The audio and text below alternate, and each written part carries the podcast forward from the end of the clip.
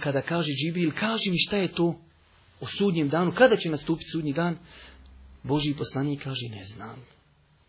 Ne znam, nije rekao da ne znam, ali kaže, onoga koga pitaš ne zna ništa više od onoga koji pita. Znači ne znamo ni ja ni Ovdje je jedna velika korist. Ovdje Ovjeri se priča samo ono što se zna. Allahovog poslanika nije bilo sti da rekni ne znam. I zato kad te sutra neko nešto upita ako ne znaš, a imene zajedno sa tobom, Nemoj izvrdavat. Znam, ne znam. Nema ja mislim. Ljudima ne treba ja mislim. Ljudima treba s dokazom vjera. To nama kaže jedan veliki učenjak, Šešan Kiti, rahmetullahi alihi, Allah ga sačuvao, žive još danas u Medini, kaže, ljudi neće vjeru da govorite ja mislim. Ljudi hoće vjeru, rekao Allah, rekao poslanik, to je vjera. A šta ti misliš? Mislim i ja. Znači, braćo moja draga, ovjeri, kada ne znaš, ne treba te bude stid da ne znaš. Pogledajte ovaj hadis koji izbilježi imam Ahmed Bezar i drugi sa vjerodostojnim lancem prenosilaca. Kaže, Džubeir ibn Mut'im, jedne prilike je došao Allahom poslaniku čovjek i kaže, Allahu poslaniče koja mjesta su najdraža Allahu, a koja su mu najmrža?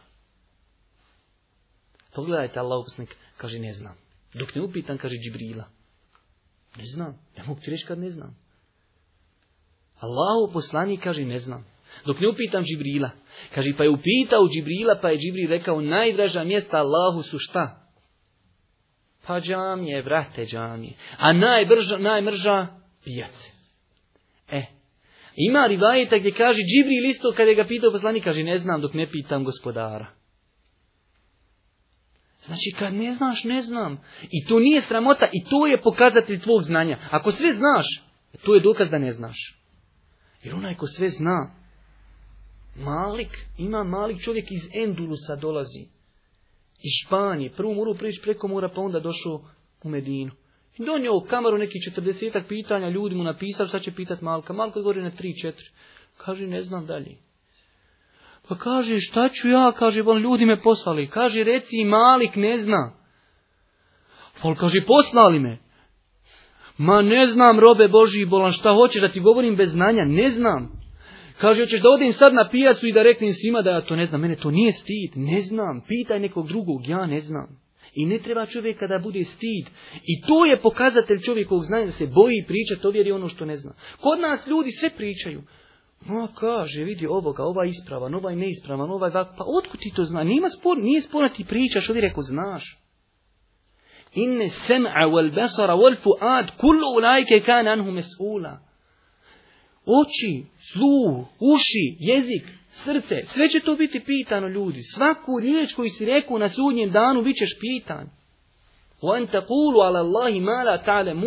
Kada Allah Đelšan nabroji velike grijehe, kaže da govorite o Allahu ono što ne znate. Ne treba ti veći grijeh. Govoriš o vjeri ono što ne znaš.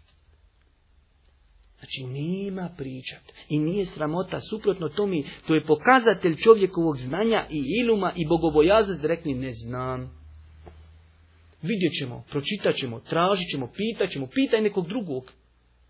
Ali ja ne znam.